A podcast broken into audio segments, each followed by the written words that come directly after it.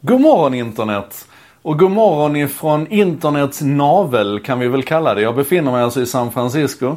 Staden som verkligen personifierar den digitala utvecklingen och internets vagga lite grann. Men också staden med alldeles uppenbart ett komplext förhållande till internet. Det här hotellet som jag bor på nu som är i downtown San Francisco här eh, finns det förvisso fritt internet förutom då att jag måste logga in och sådär. Men de kallar det för high speed internet och då är det 3 megabit per sekund jag får. Om jag väljer att pröjsa 15 dollar om dagen så blir jag uppgraderad till enhanced high speed internet och då får jag 10 megabit per sekund. Hemma har jag 250 megabit per sekund. Men det var inte det vi skulle prata om. Idag ska vi faktiskt igen prata om Netflix, eller rättare sagt vi ska ta stöd i, i lite uttalanden som Netflix har gjort runt eh, ratings och, och filmrecensioner, tv-serierecensioner och sådär. Men jag måste börja då med en gammal historia. När jag växte upp i Malmö så fanns det en filmkritiker som hette Jan Aghed. Han arbetade på Sydsvenskan. Jag hade för mig att det var Arbetet men jag hittar inget stöd för det. Jan Aghed är i alla fall på Sydsvenskan filmkritiker. Och vi läste hans recensioner slaviskt.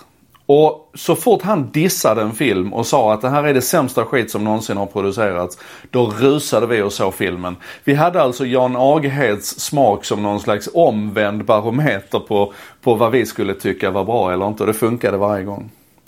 Det som Netflix nu har pratat om här i, i en, eh, eh, i en presentation. Det är att man har pratat om eh, varför, bland annat så här, varför plockade man bort eh, det här stjärnsystemet där vi kunde ratea filmerna, där vi alltså kunde gå in och inte bara med vårt beteende utan också med vår åsikt om en film försöka ge den ett betyg.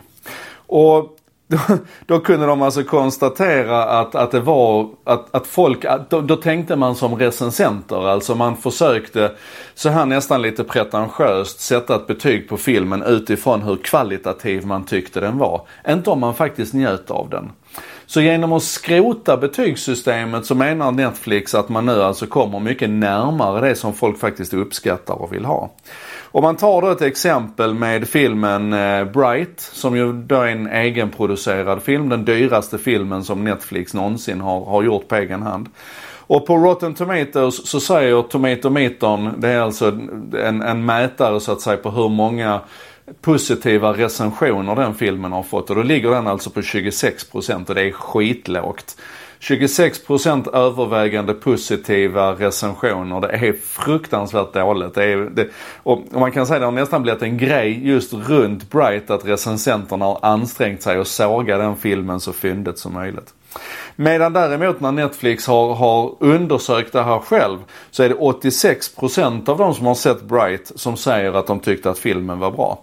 Så alltså från 26% recensenter till 86% vanliga tittare.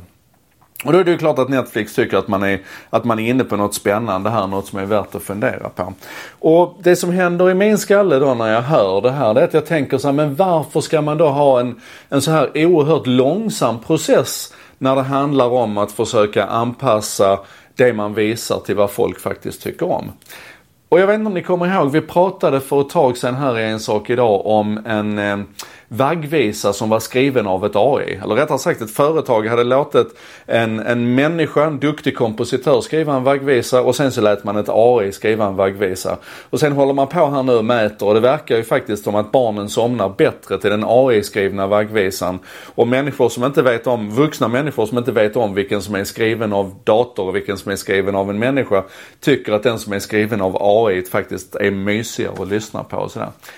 Om man då tittar på elementen i en film eller i en tv-serie så är det ju inte helt omöjligt att tänka sig att de faktiskt skulle kunna individanpassas. Så att jag har liksom ett, ett soundtrack när jag tittar på, på eh, Boardwalk Empire. Då har jag ett soundtrack i bakgrunden som, som passar mig och som ger mig den känsla som regissören har velat att jag ska få.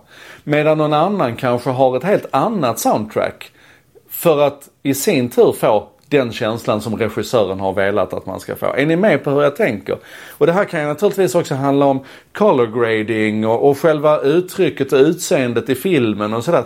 Det är så otroligt mycket av rörlig bild som vi skulle kunna individanpassa om vi hade kortslutit den här cirkeln liksom och, och, och samlat in det här datat på, på vad just jag tycker om det här.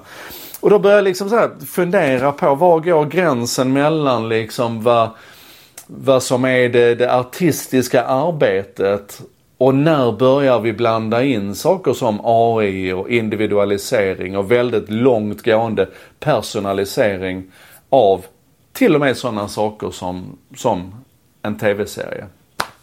Det borde ju inte vara långt borta tycker jag. Och förmodligen så blir det väl Netflix som är först ut med det.